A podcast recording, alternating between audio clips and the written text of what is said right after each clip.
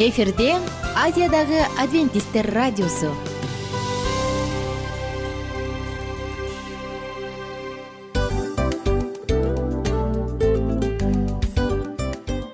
Достор салют. Баардык сүйүктүү угармандарыбызга салам айтабыз. Кутман күнүңүздөр менен. Ден соолук өмүрдүн булагы демекчи саламат саамы программасында баарыңыздарды көргөнүбүзгө абдан кубанычтабыз. Анда алгач амандашып өтөлү арбаңыздар деп. Ден соолугуңуздар кандай элибизде көбүнчө ден соолук кандай дегенде эле жакшы деп жооп беребиз э? ооруп турсак дагы жакшы дейбиз. Анан мен муну айтып ойлойт элем бул абдан сонун сөз депчи анткени бул жакшы деген үмүт да э баары жакшы болот баары сонун. Деп үмүттөнүп атып эле өзүбүздү өзүбүз дарылап коебуз. Анысы кандай? Сиздин дагы ден соолугуңуз жакшы беш деген үмүттөбүз чындыгында ден соолук бул өмүрдүн булагы деп бекеринен айтылган эмес деп ойлойм. Кыргыз элинде анткени эгерде ден соолук жок болсо анда адамдын жашоосунда калган баардык керектүү маңыздуу нерселер өзүнүн баалуулугун жоготуп коет. Ошондуктан ден соолук бул эң керектүү нерсе. Ооба туура айтасың кесиптешим. Чынында ден соолугуң жок бир эки үч күн ооруп калсаң эле кандай болуп калат? Жашоодо көз каранды болуп каласың көп нерсеге жетишпей каласың көп нерсени кыла албай каласың жада калса эшикке дүкөнгө да чыга албай каласың. Туптуура анан ден соолук болсо демек биз биздин бактыбыз тотой деп койсок болот. Анда достор саламат саамы рубрикабызды баштайлы. Алдыда өзүңүзгө керектүү болгон сонун кеңештерди уга аласыздар. Мына ошондуктан биз менен бирге болуңуздар. Ал эми биз болсо милан жана айнура. Кеттик алга. Алга саламат саама ден соолуктун жарчысы. Саламат саама ден соолуктун ачкычы. Күн сайын сиз үчүн мыкты кеңештер сонун жаңылыктар кызыктуу фактылар. Биздин рубрикада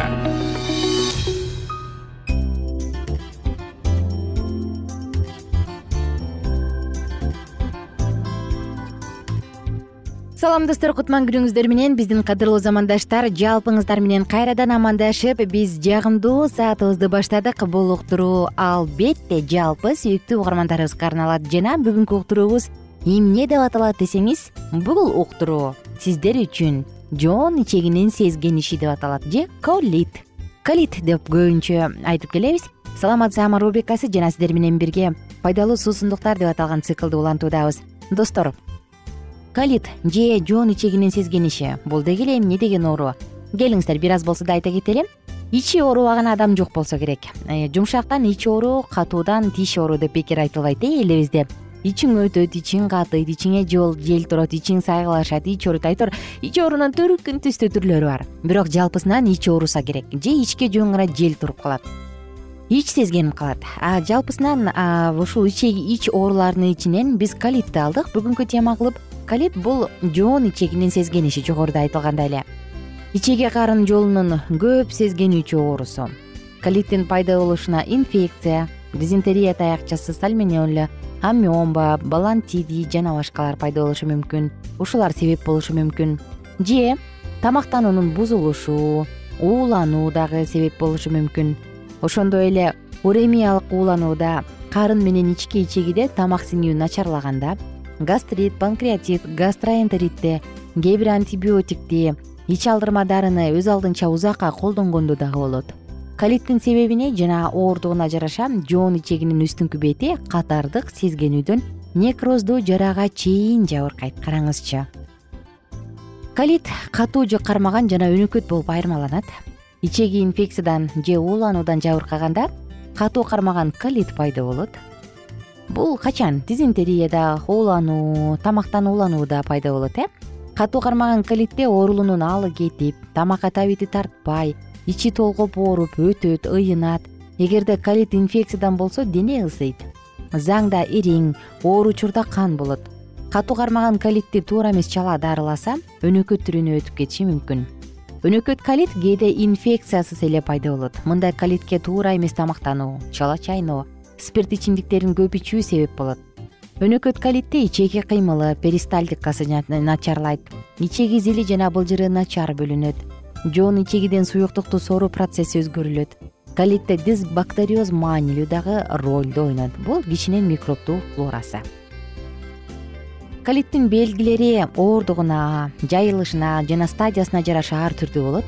Ал кармаган учурда тамакка табити тартпай жүрөгү айланып алы кетет заңдарда же андан кийин ич куушурулуп ооруйт бүктөшүп калат э үч бүктөлүп калат деп күлөт эмеспизби. Күнүнө үч төрт жолу ич өтүп кайра катып көп курулдашы мүмкүн. Оор түрүндө ириң же кан аралаш заңдайт. Калиттин өнөкөт түрү бир жакшы болуп кайра кармап турат. Жоон ичегини дүүлүктүрүүчү жана аллергиялык реакция чакыруучу тамак аштар ичүү өтө чарчоо тамак сиңирүүчү башка органдардын ишинин бузулушу булардын баардыгы колитти күчөтөт. Азыркы мезгилде колитти дарылоонун натыйжалуу методдору иштелип чыккан ич өткөктү басуу максатында ар кандай антибиотиктерди өз алдынча колдонуу өтө оор кабылдоолорго алып келет. Оор кабылдап турганда доктур сунуш кылган диета менен тамактануу режимин так аткаруу зарыл. Оору бир аз тамак басаңдаганда тамак рациону кеңейтилет оору күчөп турганда өтө чарчабай чыр чатактан дагы алыс болуш керек. Колитти алдын алууда катуу кармаган ичеги оорулардын өз убагында туура дарылоо тамактануу режимин сактоо тиш протезин убагында салдыруу өтө маанилүү.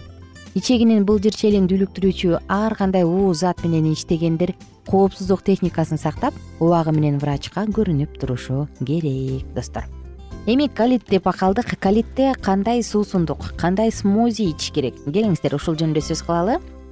Биз айта турган смузи бул ичеги карындарын сезгенишин баардыгын тең алдын алат алардын былжыр челин жумшартат. Бул эмне десеңиз алма жана папайя. Ошондой эле достор сезгенүүгө каршы бул алоэ вера дагы эң күчтүү мыкты каражат болуп саналат. Ал жөн гана сүйкөлүшү керек болот ошондой эле кокос сүтү дагы мыкты сонун каражат. Эми эмне кылабыз? Ич ого бетер өтүп ого бетер ал жакта кыжырдануу пайда болбош үчүн биз баардык мөмө жемиштердин сырттарын ачыбыз жана ичиндеги данектерин алып салышыбыз керек. Колдон келишинче ичеги карын мындай учурда эс алышы үчүн ага эс алуу тартылышы тартылышыбыз керек. Тагыраак айтканда колдон келишинче жеңил сиңимдүү тамактарды гана жеп оор азыктардан убактылуу баш тарткан жакшы биз айта турган ичеги карындар үчүн мыкты смозинин рецеби менен бөлүшсөк. Мүмкүн жазып аларсыз. Бизге болгону гана бир жарым жарым папаянын тазаланган ичиндеги сөөктөрүнөн сырткы кабыгынан тазаланган жарым папайя керек бирөө. Ошондой эле эки сырты аарчылган ичиндеги уругу алынган алма керек. Эки чашка кокос сүтү жана сегиз аш кашык алоэ веранын гели керек. Эми достор папайя менен алманын баардыгын тең ичиндеги сөөктөрүн данектерин алып тазалаңыз сыртын ачыңыз баардык ингредиенттерди блендерге салып аралаштырыңыз дагы ичиңиз. Бул эң мыкты сонун каражат. Мындай смузи ичеги карынды жумшартат ичеги карынды тазалайт жана жогоруда айтылгандай эле сезгенүүгө каршы мыкты смузи. Достор элестетип көрүңүздөр. Дал ушул жөнөкөй эле жарым папайя эки даана алма кокос сүтү жана алоэ вера гелинен жасалган смузиде кандай витаминдер бар? Бизге бир суткага керектүү болгон с витамининин кырк төрт пайызы магнийдин он бир пайызы калийдин он пайызы б эки витамининин сегиз пайызы фалат алты пайыз кальций жана темир үч пайыздан камтылган. Кандай зор э караңыздарчы көбүнчө ич оору жай мезгилдеринде ошол уулануудан улам пайда болот туура эмес азыкты жеп алабыз көпкө туруп калган азыкты жеп алабыз кыйналуулар көп болот. Мындай учурда албетте сизге эмне жардам берет? Сизге жардам берчү бул бир гана бир гана биз айта турган ушул сонун азыктар. Жана сөзсүз түрдө диетаны кармаңыз сиздер менен коштошобуз кийинки уктуруубузда дагы сонун темалардын баардыгын сиздер менен бөлүшүүгө даярбыз. Ошондуктан биз менен бирге болуңуздар. Күнүңүздөр көңүлдүү улансын бар болуңуздар бай болуңуздар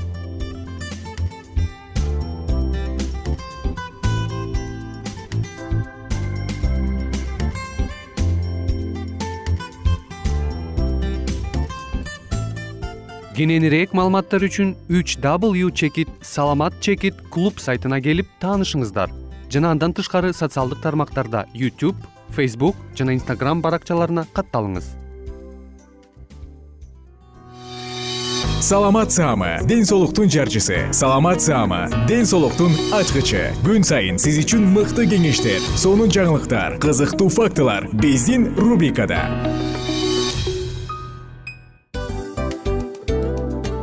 салам достор. Кайрадан биздин сүйүктүү рубрикабызга кош келиңиздер деп айтмакчыбыз.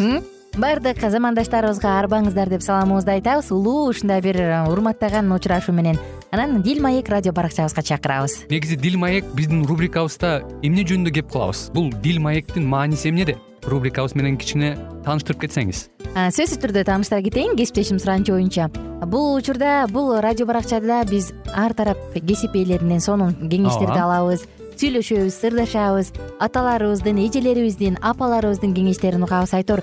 Жан дүйнөгө адамдын э, сапатына адамдын деги эле адам болуп жашашына керектүү баардык кеңештер алдыда. Негизи э, дил маек дегенде баягы эки адамдын ортосундагы сырдашуу кенен сүйлөшүү. Негизи эле биз адамдар бири бирибиз менен бир жерге жай жерге отуруп алып өзүнчө тынч э, жашоо жөнүндө өмүрүбүздө эмне болуп атканын бөлүшкөнү жакшы көрөбүз э адамдар. Ооба туура айтасың анан мындай учурга кээде убакыт да жетпей келет э? Же болбосо сырыңды кайгыңды муңуңду кубанычыңды айткың келет а адамга ишенбешиң мүмкүн. Ооба. А бул радио баракча угармандарыбыздын чыныгы досу анткени бизден алган кеңеш сиздин жашооңузга чоң жардам берет. Ал эми сиздин бизге айта турган сөзүңүз ортодо гана сыр бойдон калат. Ошондуктан биздин дил маек рубрикабызга дагы бир жолу кош келиңиздер. Жана биз даярдаган маалыматтарга даяр болуңуздар. Айнура жана милан сиздер менен бирге алдыга кеттик ар түрдүү ардактуу кесип ээлеринен алтын сөздөр жүрөк ачышкан сыр чачышкан сонун маек. Дил маек рубрикасында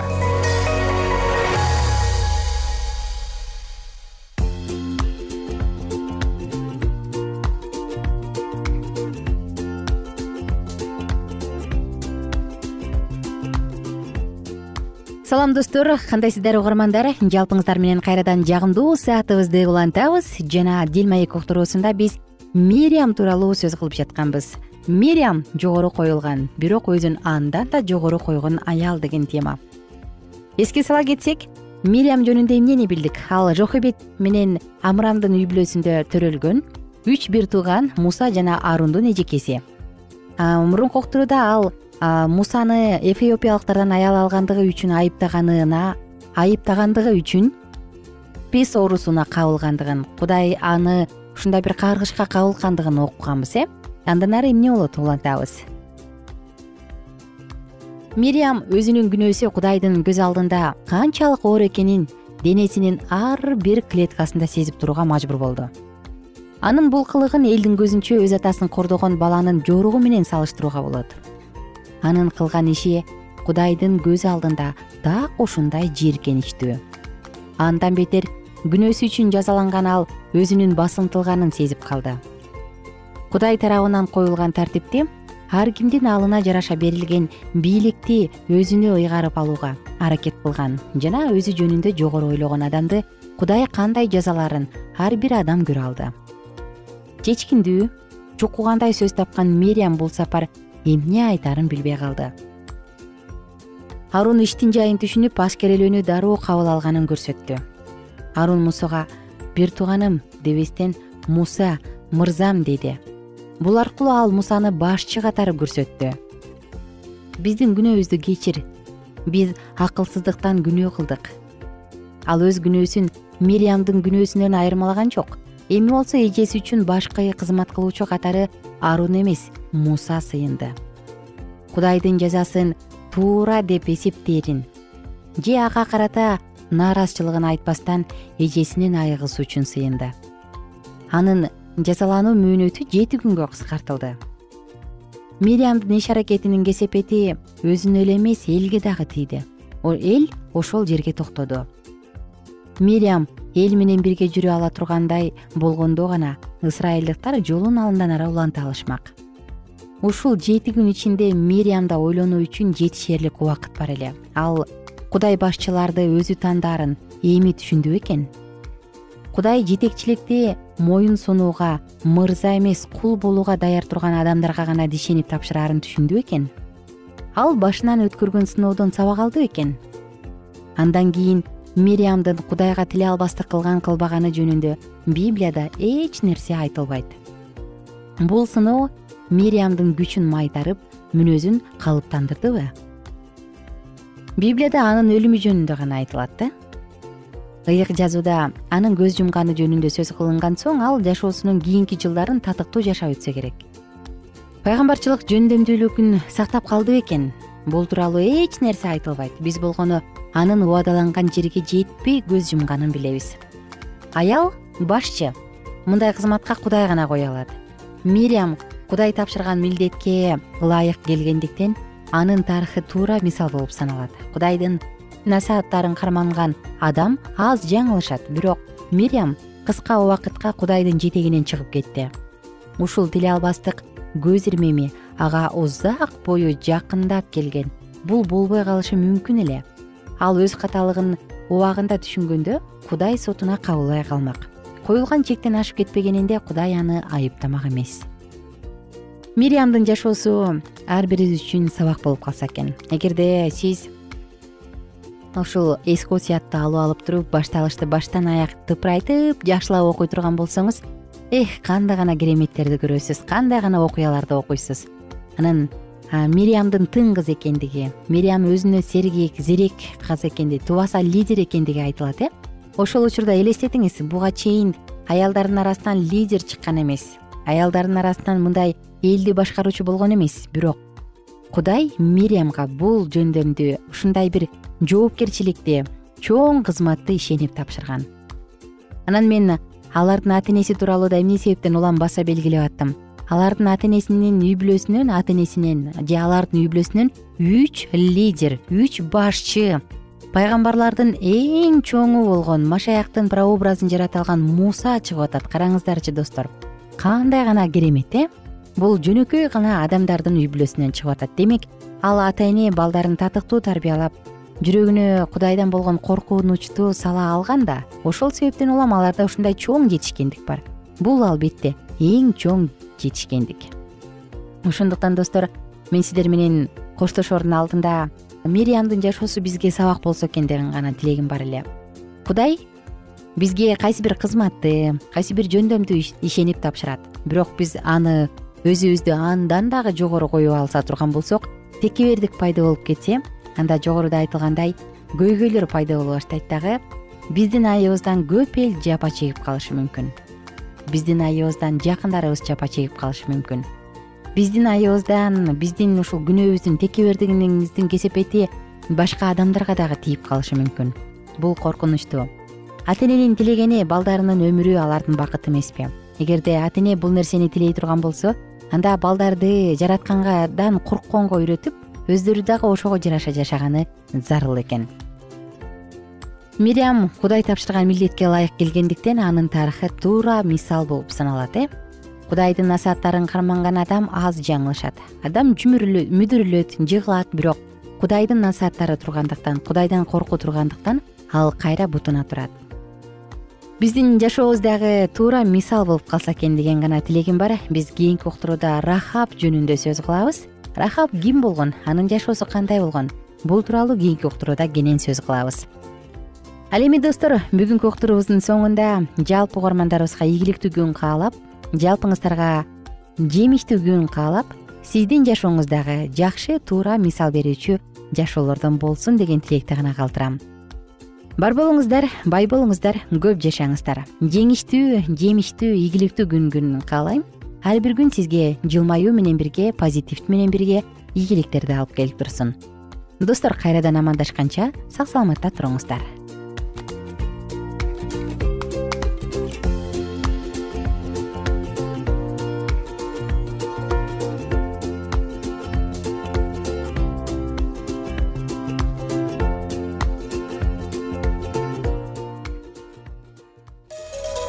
ар түрдүү ардактуу кесип ээлеринен алтын сөздөр жүрөк ачышкан сыр чачышкан сонун маек дил маек рубрикасында.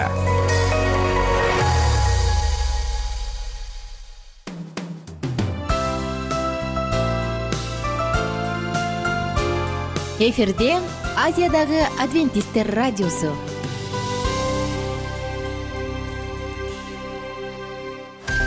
жан дүйнөңдү байыткан жүрөгүңдү азыктанткан жашооңо маңыз тартуулаган жан азык рубрикасы.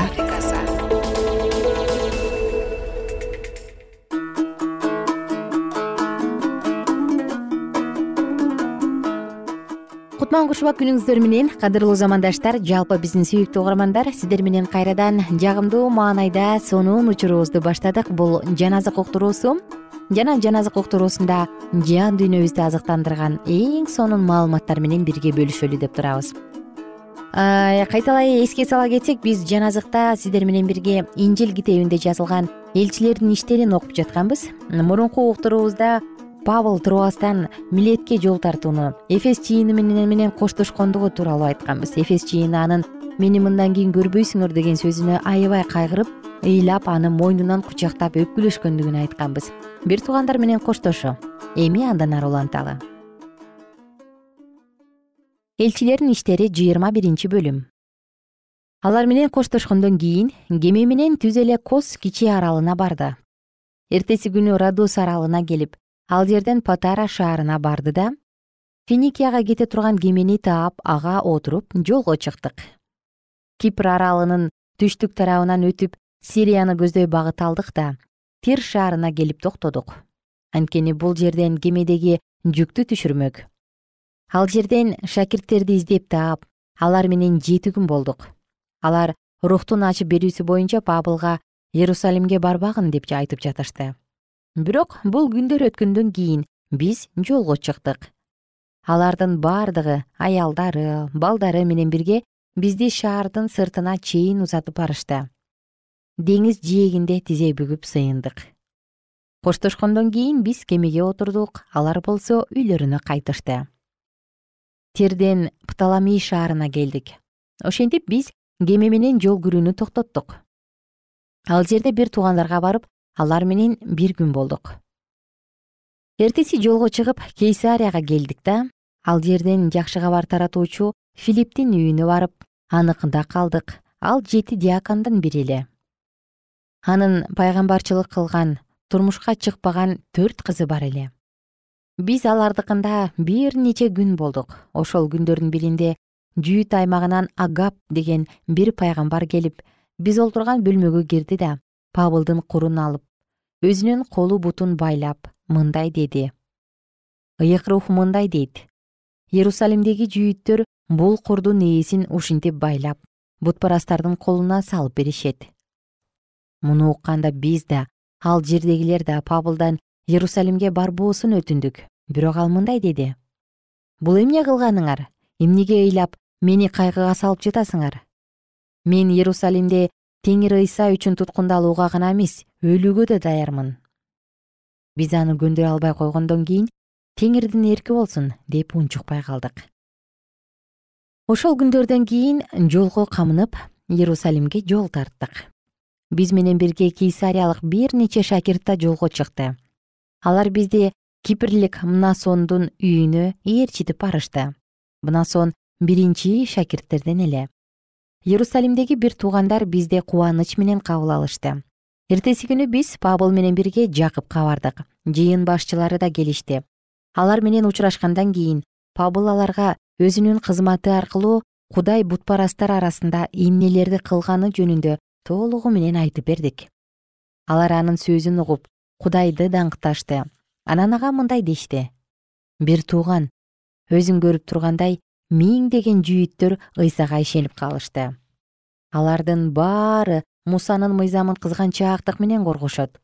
Алар сен тууралуу ал бутпарастар арасында жашаган бүт жүйүттөрдү балдарыңарды сүннөткө отургузбагыла салтты кармабагыла деп мусанын мыйзамынан четтөөгө үйрөтүп жатат деп угушкан.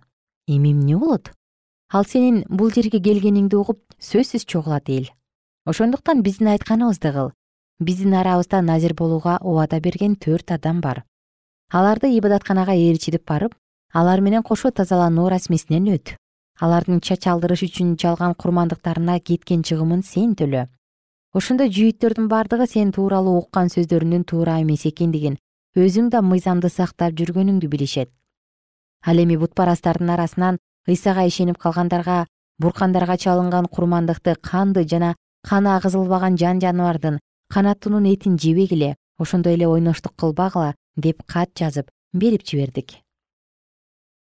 Ошондо пабыл назир болууга убада берген төрт кишини ээрчитип барып алар менен бирге тазалануу расмисинен өттү. Эртеси күнү ибадатканага кирип тазалануу күндөрүнүн качан бүтөрүн качан ар бири үчүн курмандык чалынарын жарыялады.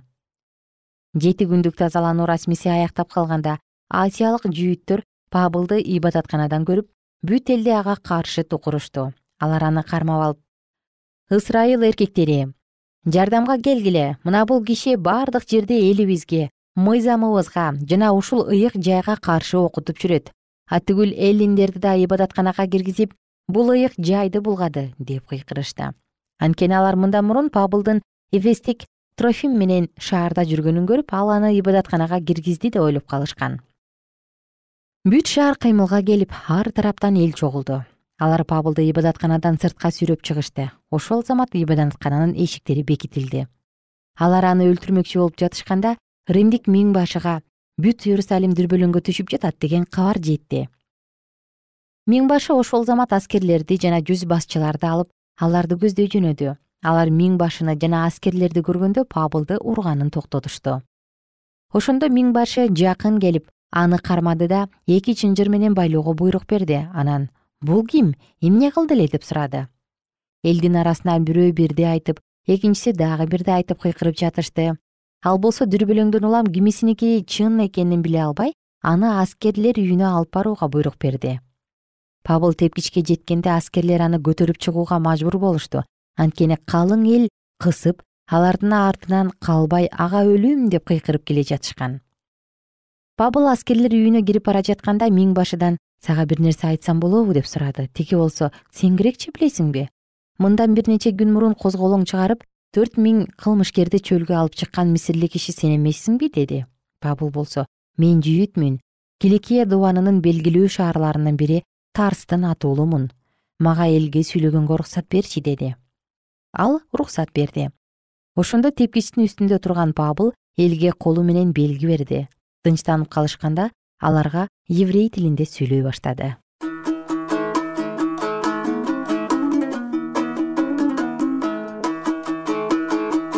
Пабылдын эмне деп сүйлөгөндүгүн биз кийинки уктурууда бирге улантабыз. Ага чейин сак саламатта туруңуздар.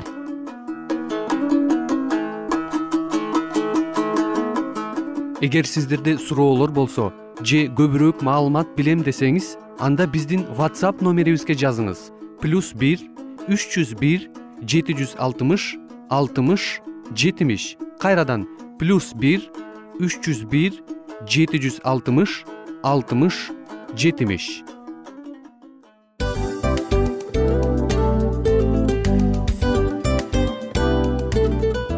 Ушул менен достор программабыздын уктуруубуздун эң кайгылуу мөөнөтүнө келип жеттик. Кайгылуу дегенде ыйлагым келип кетти кесиптеш.